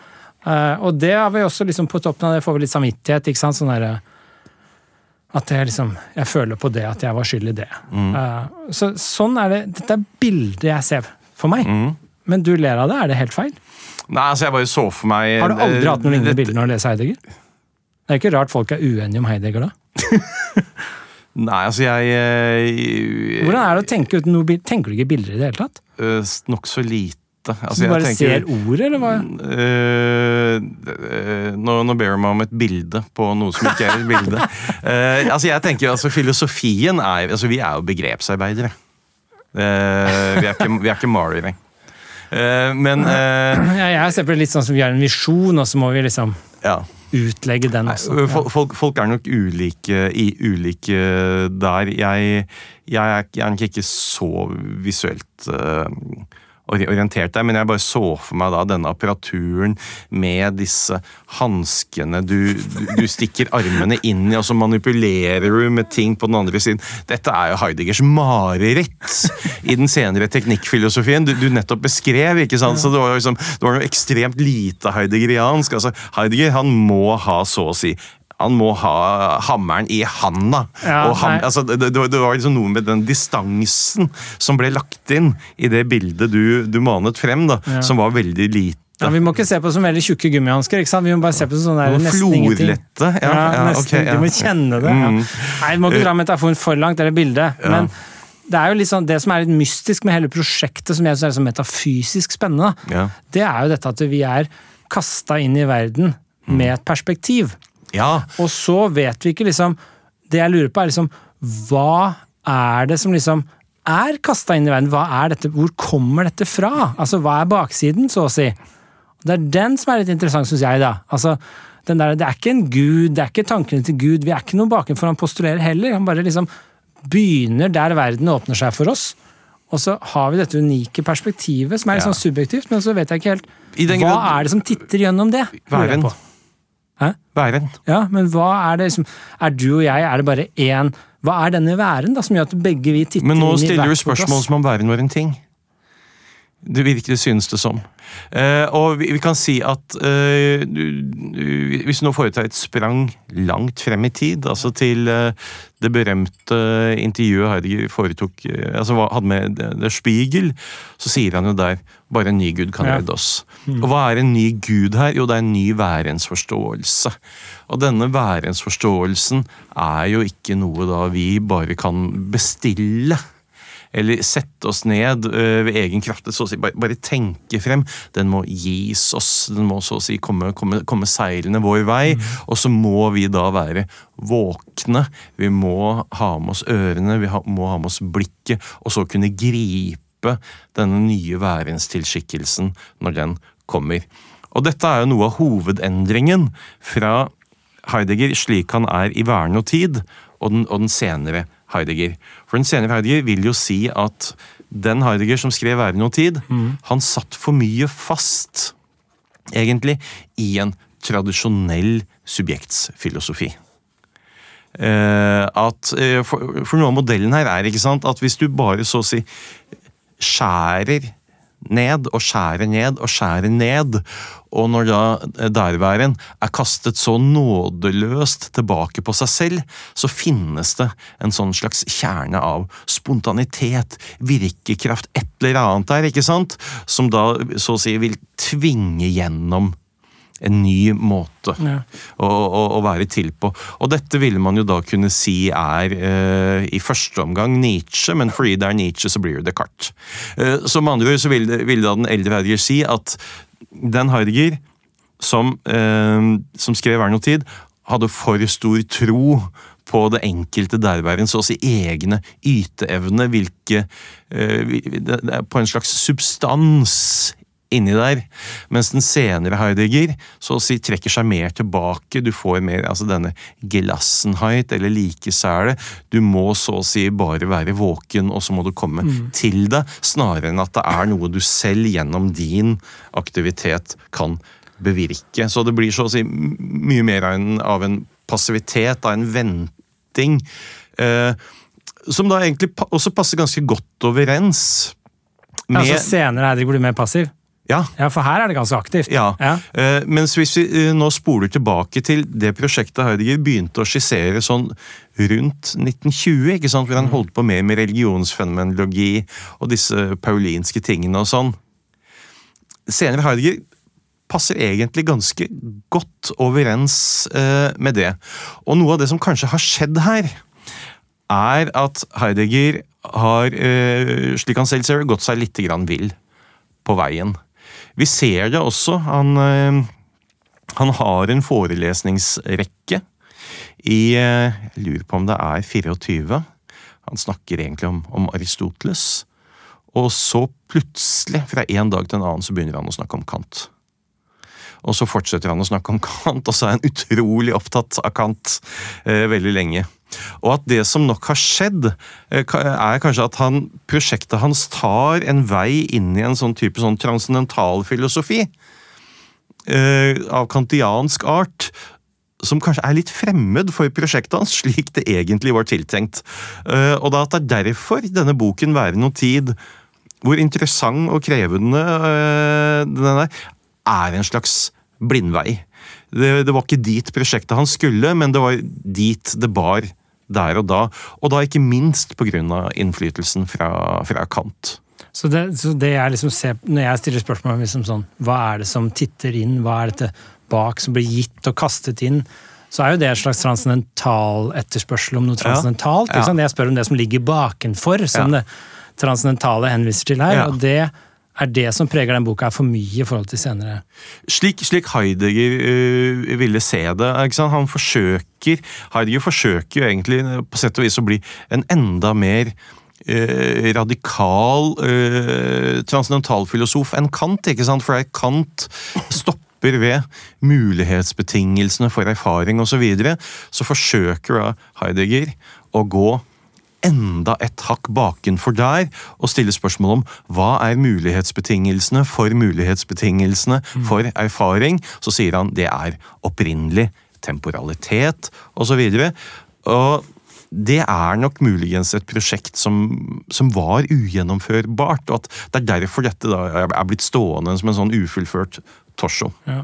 Men det er jo også noe altså jeg, sa, jeg har lest senere Heidegger om kunst og teknologi spesielt, og da, det han sier om sannhet der, er ganske likt det han sier om sannhet her. Altså, Og da sier han liksom at sannhet det er jo mer en slags avdekking eller avsløring av virkeligheten. En måte den kan være på som viser seg. Det er det liksom den opprinnelige sannhetsforståelsen er. Ja, han Så værens muligheter er liksom de sanne, det er sannheten når den viser seg. Han, han, Det sier han han- både senere og tidligere. Ja, ja, ja. Altså, han har jo et sannhetsbegrep som, som skiller seg en del fra det vanlige, for all del.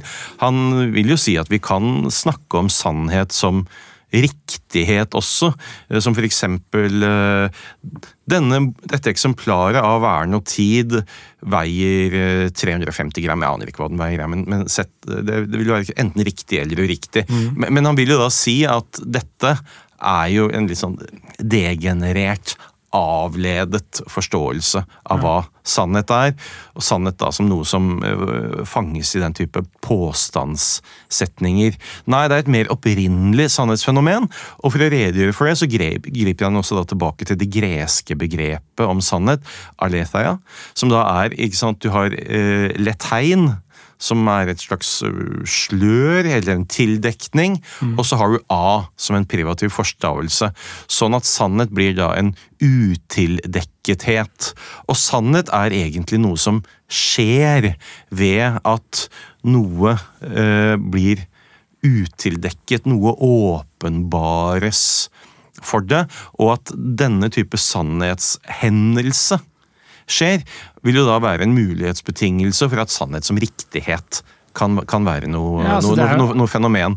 Og så øh, går han jo øh, Altså lenger og lenger altså i, så, begynner han da å skrive uh, Aletheia på, på, på, på ulike måter, eh, for så å si å bli mer og mer opprinnelig. For han finner jo da etter hvert ut ikke sant, at der han tidligere trodde at Platon og Aristoteles hadde et brukbart grep om det her, sånn, så var også de for degenerert, så du må tilbake til, til førsokratikerne og, videre, som da hadde en enda mer opprinnelig erfaring av hva dette er. Men, men, men det er helt klart, sannhet som noe som skjer, er helt uh, fundamentalt. Og øh, denne sannheten vil jo da også ha denne karakteren av at når noe blir avdekket, så vil noe bli tildekket. Så det, det er så å si en, en, en prosess hvor, hvor ting flyter er hele tiden i, i Men det er jo en intu, veldig intuitiv forståelse, sant, hvis du tenker etter. Altså, hvis jeg sier for eksempel nå viser Lars seg fra sin sanne side, så viser du deg sånn du egentlig er. Du Mm. Og hvordan er det? Nei, det vet jeg ikke, men du, du avslører på en måte deg selv, da. Ja, ja. Eh, Og da tildekker du andre måter du pleier å være Ja. på. Så manet, det hverdagslige deg, blir tildekket, og så kommer det sanne deg frem. Og det er jo på en måte en sannhet som skjer, heller enn en påstandsegenskap, som vi snakka om tidligere, at det er sant. Setningen 'snø er hvitt' er sann, ikke sant. Så er det noe som skjer. Og det er veldig intuitivt, for meg i hvert fall, at det er en ganske grunnleggende form for sannhet. Det er bare, det, nå viser det seg. Dette er sannheten. Mhm. Så det er ikke noe Og- mystisk over det her, egentlig. Nei. Dette er jo veldig Eh, altså, forståelig, Uh, vi, vi, vi kan si at uh, det blir mer mystisk innover i scenefilosofien til, til Heidegger. Da blir denne sannheten en stadig mindre håndgripelig størrelse. Denne uh, hendelsen blir en stadig mindre håndgripelig størrelse etter hvert som den uh, staves med store bokstaver og bindestreker og, og, og det ene og, og det andre. Men at selve fenomenet som beskrives, sånn som vi, vi har beskrevet det nå, er, er noe vi kan gjenkjenne absolutt. Og om vi skal kalle det sannhet eller ikke, er kanskje mindre viktig enn at eh, det er noe som er helt avgjørende for sannhet. Ja, men det som er litt interessant, Jeg leste nylig en sånn eh, helt ny sånn oversiktsbok i helt moderne filosofi, kom ut i fjor eller noe om sannhet. Altså, Mhm. Som oversikt. Den gir alle de forskjellige mulige sannhetsteoriene, alle mulige filosofiske synspunkter på hva sannhet er. Mhm. Denne forståelsen av sannhet som Heidegger nevner er ikke nevnt med et ord. Nei. Det er interessant. altså Det var bare sånn type sånn setningssannhet, korrespondanse, Ja. pragmatisk Alt det var masse av disse moderne teoriene, men denne om at det er noe som skjer, det er noe som viser seg, noe som blir avslørt det Ikke nevnt et ord. Det er eh, helt Altså, det er, det er jo en distinkt sannhetsforståelse som vi først og fremst da vil finne i en fenomenologisk, hermenautisk tradisjon. Den er så intuitiv, Og- jeg synes det er rart den og- ikke er med mer. Hans Georg Gadamer er jo den som kanskje mer enn noen annen har tatt den type sannhetsforståelse videre. Eh, hvor da også det blir vesentlig enklere å snakke om si kunst og sannhet, f.eks. ved at et kunstverk viser deg noe. Men det er, det er sannhet i en helt annen forstand enn sannheten i, i en påstandssetning. Ja. Ja. Men eh, det, en ting, vi har jo nå vært gjennom ganske mange av disse grunnleggende begrepene. Eh, Det er et par begreper til jeg kunne tenke meg å bare lufte, sånn at det, som jeg tror er litt viktig, som folk får liksom et inntrykk av hva denne boken handler om. Da. Mm. Og Det ene som er litt sånn interessant, synes jeg, det er dette begrepet om skjebne. Mm. Som han tar opp. Altså Han sier f.eks. at det, Skal vi se hva han sier her? Jeg kan, det er på side 388. ja, vi er så langt ute i mm. Han sier Han sier eksempel her Nå skal jeg lese litt sitat her, da. Skal vi se. Eh, Derværen kan bare rammes av skjebnens slag, fordi den i sin værens grunn er skjebne. Derværen eksisterer som væren i verden, altså vi eksisterer som væren i verden, på en skjebnesvanger måte i den selvoverleverende besluttsomheten, og som sådan er den åpnet for de heldige omstendighetenes gunst og tilfeldighetenes grusomhet. Og så kommer det. Skjebne oppstår ikke i sammenstøtet med ulike omstendigheter og begivenheter. Også den ubesluttsomme jages rundt av omstendighetene og begivenhetene, og da i enda større grad enn den som har foretatt et valg. Eh, likevel kan den ubesluttsomme ikke ha en skjebne. Så ideen er liksom at skjebnen, den, den oppstår fordi vi selv tar valg. Mm. Eh, Så den som er ubesluttsom, aldri får liksom bestemt seg for noe, den får egentlig ikke hatt en skjebne. Mens den som bestemmer seg for ting og gjør ting, den får hatt en skjebne. Dette syns jeg er litt sånn artig å drudle litt ved. da. Altså På neste side så sier han jo uh, ikke sant? Her sier han, på 389 sier han vi karakteriserer gjentagelsen. Som er litt sånn interessant begrep her. Det går jo Kirkegård og Nisje og snakker om gjentagelsen veldig mye. det er ganske... Han sier vi karakteriserer gjentagelsen som den selvoverleverende besluttsomhetens modus. Gjennom denne modusen eksisterer derværen uttrykkelig som skjebne. Så det er det at vi liksom beslutter oss til noe, og gjentar det, som skaper vår skjebne. Og det som er litt interessant, er at vi skaper vår egen skjebne. Vi skaper vår egen eh, skjebne, men ikke fra et slags nullpunkt.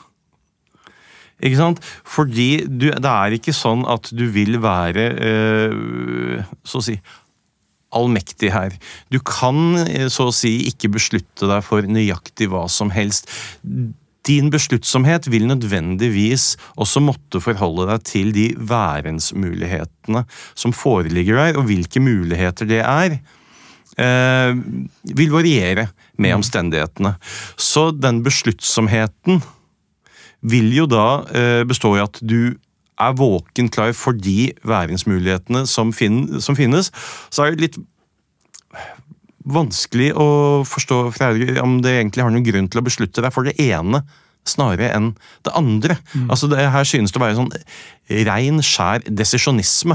Altså Det viktige er at du beslutter, ikke hva du beslutter deg uh, for. Eller... er- Og her kan man jo ønske seg noe mer normative føringer. At man f.eks.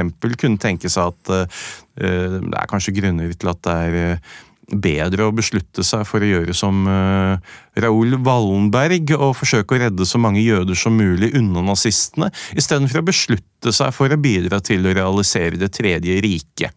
Uh, Som er det gule. ja. uh, så her synes det å være ren uh, desisjonisme. Men da, uansett Det er klart veldig lite moral i Heidegger generelt, er det ikke? Det er, Han sier aldri liksom hva vi bør gjøre. Nei, jeg vil vel egentlig si at hvis vi av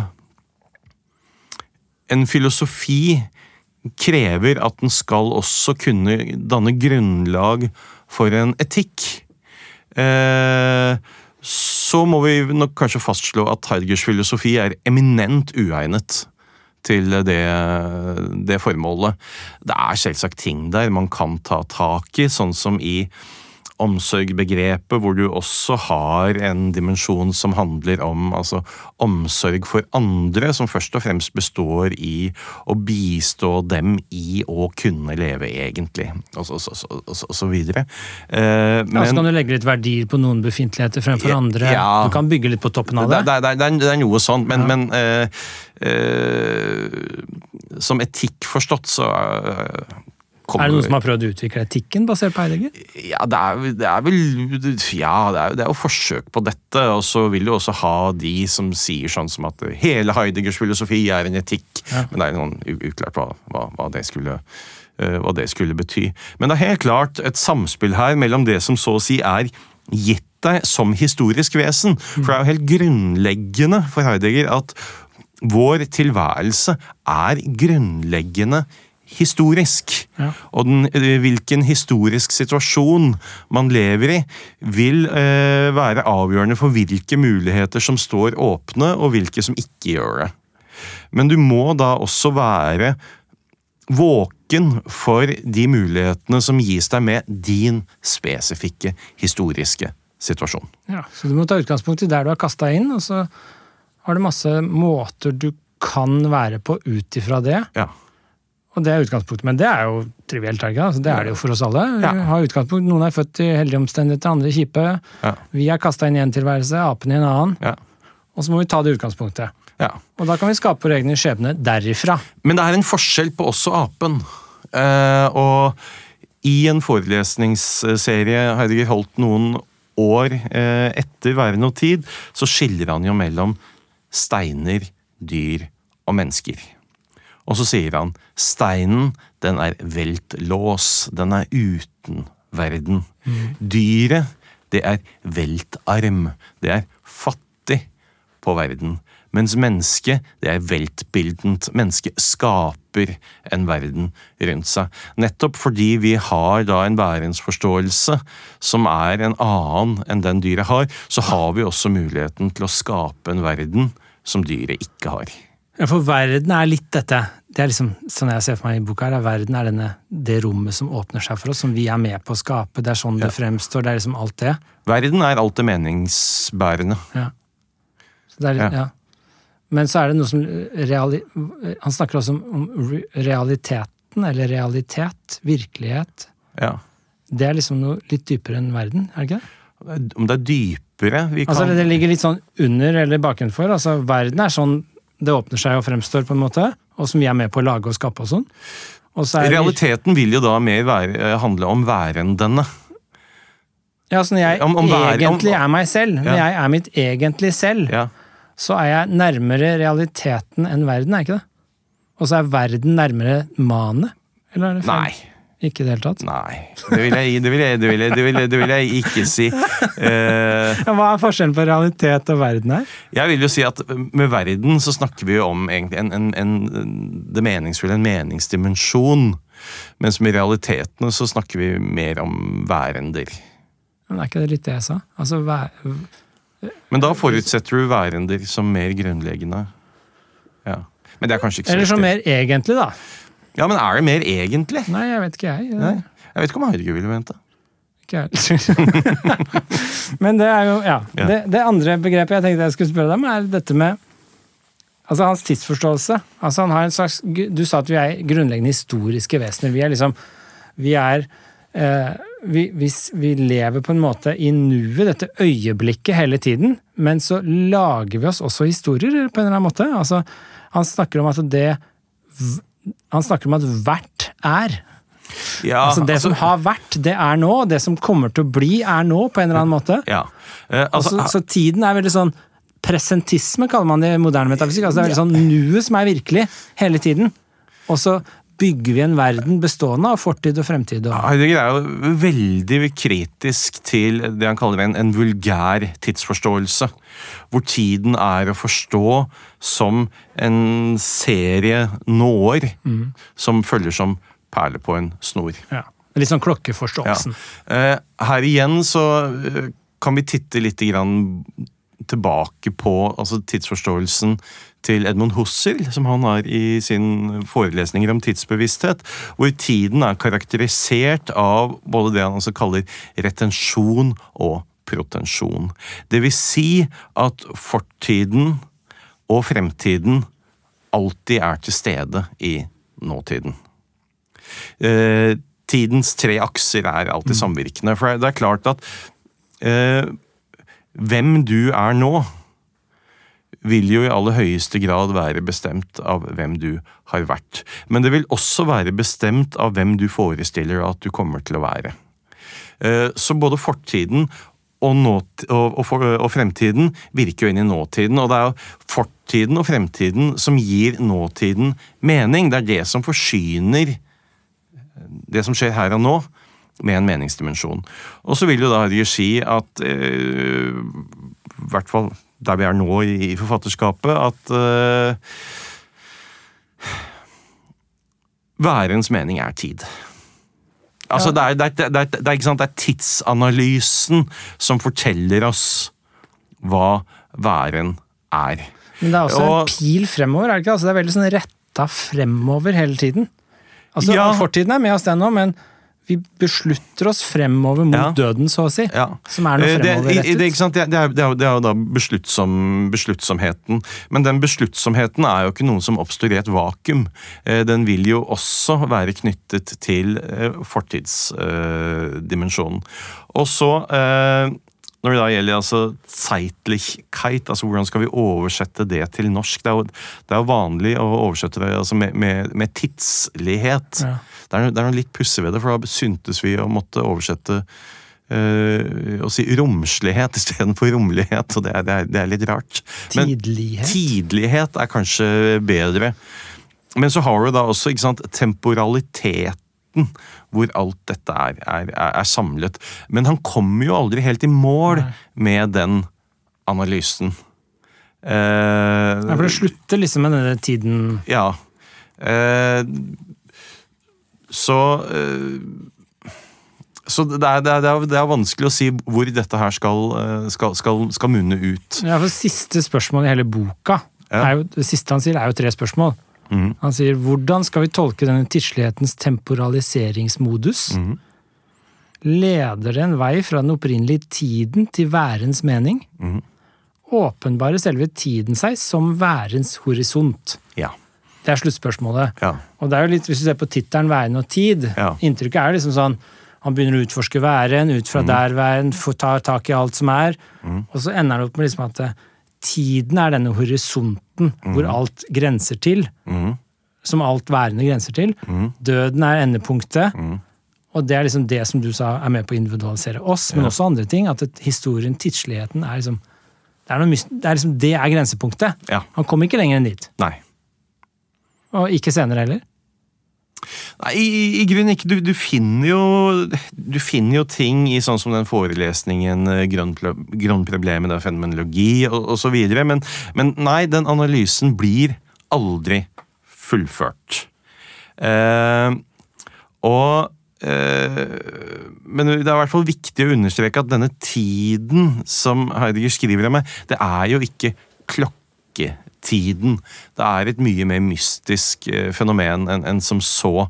Det er jo Det han er egentlig ute etter her, er jo eh, også å begripe fenomen som, som, som øyeblikket. Hvor vi tenker veldig lett på, på Kirkegård. Jeg tror igjen at vi må se litt forbi Kirkegård. Vi må faktisk se på Paulus og Tessalonikerbrevene. Det er parosia det er snakk om. Det er Kristi andre komme. Det er dette nærværet. Det er en ganske mystisk, uhåndgripelig eh, størrelse som jeg egentlig ikke er i stand til å eksplikere på noen bedre måte, og det viste det seg at det var vel i grunnen ikke Heidegger heller. Men kanskje det er der værens grense går. Altså Det er ikke så rart at vi ikke klarer å artikulere det hvis det er der grensen går. Nei. Vi kommer ikke forbi den. Nei. Det er horisonten vår, liksom. Men det var nok kanskje også derfor dette prosjektet da forble uavsluttet. Fordi eh, da er vi ved mulighetsbetingelsene for mulighetsbetingelsen for erfaring, som da kalles en slags opprinnelig temporalitet. Men akkurat hva den er, er da kanskje utenfor grensen for hva vi er i stand til å gripe. Ja, Og der er vel litt på det der veldig naive bildet jeg så for meg, da, som du nekta å se for deg. Det er jo, vi er jo litt der at eh, vi liksom ser inn i disse vinduene, og så er det sånn det er, Denne værensmåten er også eh, tidslig, eller tidlig. altså den er noe, Det er en temporalisering, det er noe som skjer, på en måte. Det er en dynamisk greie her. det er ikke en så Det er en av mine ankepunkter mot moderne metafysikk, at den er veldig statisk. Det er liksom, det er tingene som fins, og så skjer det ingenting i denne verden i moderne metafysikk. Mens her er det mer sånn den er dynamisk. Dette er liksom Heraklit, her flyter det. Her er det bevegelse. Så Og det, den, der det er en også grunnstruktur i væren denne tiden, og der stopper det, liksom. Der er vi ved vinduet, vi kommer ikke bakenfor. Nei, og Det var der jeg hadde ønsket meg at du skrev litt mer om eh, Whiteheads prosessmetafysikk i din lille bok eh, Hva er metafysikk? Men det ville du ikke. Nei, det ble for mye. Ja. Men, altså, ja. Ja. Nei, men jeg har planer om å skrive mer om det. Ja. Men jeg syns det er veldig sånn Jeg er veldig liksom på vei dit, da. Altså, du er jo sikkert kjempelei Heidegger, men jeg er liksom på vei fra veldig moderne metafysikk, som er veldig sånn statisk blokk som bare ligger der og blir beskrevet, tilbake til litt sånn derre prosesser, bevegelse, dynamikk, informasjonsprosessering, altså at det skjer noe. For det er veldig sånn, Hvis du skal ta utgangspunkt i verden sånn den fremstår for deg, så skjer det noe hele tiden. Ja. Det er en flyt. Ja, ja. Og når du da får en teori servert hvor alt står bom stille, så er det et eller annet som skurrer. Mm.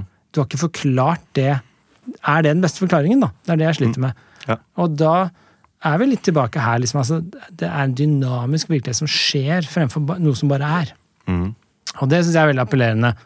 Og det likte jeg godt i denne boka her, da. Jo, men, men altså, for all del, om jeg er lei Heidegger altså, jeg, Som jeg sa, jeg betrakter den jo som den største tenkeren, i største filosofen i det 20. århundre. Også den mest irriterende eh, filosofen i det 20. århundre.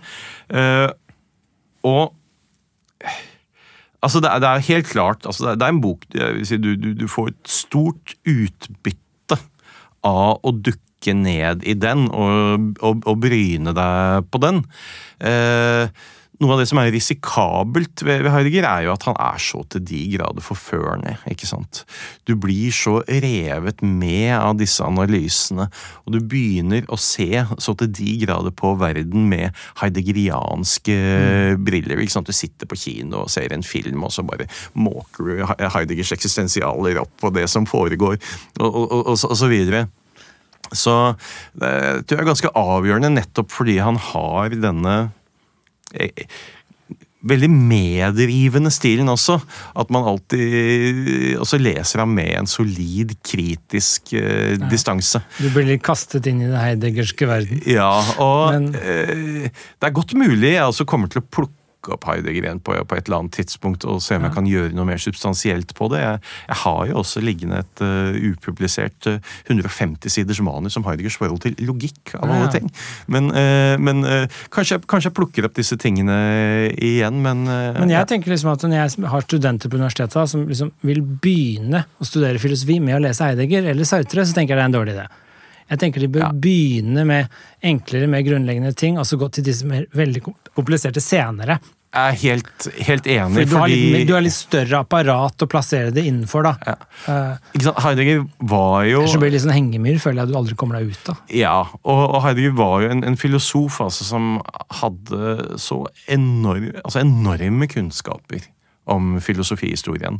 Og noe han ikke minst var, var jo en genial nytolker av klassiske tekster.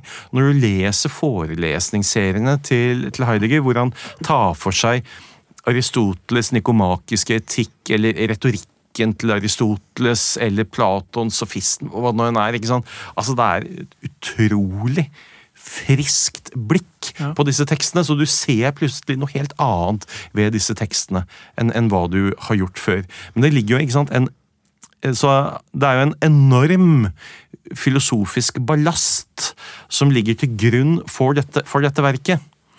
Og da å bare skulle hoppe rett inn i det, uten å ha i hvert fall noe av den ballasten selv på forhånd, det er jo kanskje å gape over i overkant mye. Ja, jeg tenker jo sånn som Aristoteles, Nietzsche, dette er viktige figurer Ja, å ja, lese før du leser Eidegger. Ja. Heraklit, for eksempel. Han har jo masse på Heraklit. Ja. Eh, og dette er, jeg ser også en litt sånn tråd i filosofihistorien som går liksom fra Heraklit, da, som var før Platon, Mm. førsokratiker, han var før Platon, og han var, som er kjent som sier alt flyter, ikke sant? Mm. Og, ha, og gå fra den der dynamiske alt flyter-tilværelsen, som også Nietzsche er veldig opptatt av å bringe opp igjen, og Ja. få tilbake. I motsetning til den statiske filosofien hvor det bare er objekter som har blitt stående etter Aristoteles og Platon til en viss grad. Ja. Og der er liksom Schopenhauer og Nietzsche for eksempel veldig på å plukke opp igjen den tråden. Og Heidegger Ja. er også litt der. Han vil plukke Absolutt, opp men, igjen den eh, dynamiske virkelighetsforståelsen. Men jeg vil jo også si at hvis du skal få et grep om vern og tid, da er det utvilsomt også en stor fordel å ha en god del av Kants teoretiske filosofi i Ja. bagasjen. For det var helt klart med på å forme dette verket på ganske avgjørende måter. Jeg, så, jeg skal ikke dvele for mye ved dette bildet jeg tegna opp, jeg ble bare så glad i det. Men jeg så også Det er jo litt sånn som hvis du leser Schopenhauer, for eksempel, da, så er det denne Verden er slik den det, er en frem, det fremstår på en viss måte, og så er det bak er det bare en blind vilje. Mm. Som viser seg i alle skikkelser. Mm. Du og jeg, koppen, pennen, alt er bare denne blinde viljen som fremtrer i forskjellige skikkelser. Og er jo ikke helt fjernt fra sånn Heidegger tenker heller. altså Nei, du altså har denne eh, dimensjonen som åpner seg. Vi ser inn der verden er liksom kasta inn i det. Mm. Og så er mitt spørsmål, som jeg sitter og grubler på, er liksom, hva er bak? Jo, det, Schopenhauer ville sagt det er viljen. mm, Nietzsche ville sagt det er viljen til makt. mm. En versjon av Schopenhauer. ikke sant? Mens Heidegger han sier ikke noe om det. Nei, Han altså, gir oss ikke det der, også, hva er det? Og så er, er det noen forskjeller her. for at I, i prisskriftet sitt om eh, viljens frihet, som eh, Schopenhauer fikk uh, Kongelige norske vitenskapers Ja. gullmedalje for. Så det står alle, ja. alle senere utgaver av dette verket så står det jo 'kronet av Det kongelige norske vitenskapsakademi'. eneste prisen han fikk, var det ikke? Ja, altså Han sendte jo inn samtidig en avhandling til, til Danmark eh, eh, om, om etikk, og han vant ikke, til tross for at han var den eneste som sendte inn. For de syntes han var så ufin i språkbruken. Så alle senere utgaver av det så står det ikke kronet av Det kongelige danske vitenskapsakademi. Men i hvert fall i, i frihetsavhandlingen da, som han sendte inn til Trondheim, så beskriver jo Schopenhauer en, en mann som når han skal gå fra kontoret en dag, tenker at uh, nå kan jeg ta en tur på klubben, eller jeg kan gå en tur i teatret, eller jeg kan for den saks skyld bare vandre ut i verden, gå min vei, og aldri vende tilbake. Men det som jo skjer, sier Schopenhauer, det er jo at han går hjem til kona akkurat sånn som han pleier å gjøre hver eneste dag, og han hadde faktisk ikke noe alternativ. Det var slik at han måtte nødvendigvis gå hjem til kona. Han var underlagt den type nødvendighet. Når denne mannen tror han har en frihetsbevissthet, så er det bare en manglende bevissthet om de årsakene som i realiteten styrer ham. Heidegger vil jo ikke være med på det. sagt. Fordi dette her er jo også en frihetens fenomenologi. Det Heidegger utvikler her. Og Heidegger vil i aller høyeste grad si at denne mannen her sånn, hvis han nå da, idet han skal gå fra kontoret, blir konfrontert med sin væren som überhaupt nicht mehr in der Welt sein. Altså overhodet ikke være mer i verden. Altså Det er eh, bevisstheten om døden, det er angsten som kommer susende for full maskin. Så vil jeg si at denne mannen kan jo i sin besluttsomhet nettopp bestemme seg for jeg går ut i verden, Ja. og jeg vender aldri tilbake. Ja, og det er jo eh, litt sånn det fremstår for oss at det heller er, Ja. enn sånn som Schopenhauer ville sagt det. Ja. Og det er også litt den frihetsfølelsen jeg får når jeg leser Heidegger, får jeg også litt når jeg leser deler av Nietzsche. altså det er den derre Friheten er ikke så mye Eller det er en bestemt type frihet i det å bare gi seg hen til noe. Mm. Altså Du er fri til å bare gi deg hen til noe. Det er en veldig deilig følelse når du er i den flytsonen. Så hvis du for eksempel bare bestemmer deg for nå skal jeg bare gå ut i verden, og så bare gir du deg hen til det. Mm. Det er jo en ultimat frihetsfølelse. Uh, Heidegger ville vel sagt at vi kan faktisk ta det valget, og når Ja. vi bare gir oss hen til noe, så oppstår denne litt sånn flytsonefriheten, da. Ja. Som er helt annen type frihet, vil jeg si, da, enn den derre jeg kan velge mellom A, B, C, D, E, F, G. Ja. Alle disse alternativene. ja, helt For den kan også lamme deg når du får for mange alternativer. Ja. Men bare å gi deg hen til noe. Det var det han gjorde også, sjøl. Men på den annen side så kunne jo Heidegger også si at du kan også autentisk beslutte deg for å gå hjem til kona, slik han selv gjorde. Ja. Dro hjem til Elfride og lot Hanna seile i sin egen sjø. Ja, Hanna har rett, ja. ja. Det siste sånn, Vi må gi oss snart, men det siste sånn punktet som er liksom, jeg så sånn interessant kobling, er jo denne Hvis du har lest uh, Sautrus Kvalmen, så når denne hovedkarakteren tar på dørhåndtaket, så ser han liksom eksistensen i sin råe tilværelse i dørhåndtaket. Han ser ikke dørhåndtaket, men han ser liksom et eller annet bak, så han får en sånn ubehagelig følelse. Den er jo veldig sånn heideggersk, er det ikke det? Altså denne egentlige angstfølelsen, når den overfaller deg, så får du liksom Du faller vekk fra denne hverdagslige manet ned til liksom Shit, dette er væren. Eller har du ikke de Det er så lenge siden jeg har lest Kvalmen at uh, jeg klarer bare ikke å koble meg på. Jeg lurer på om vi skal avrunde med Elfride og Hanna. Ok, Veldig glad i deg, Lars. Hyggelig å være her.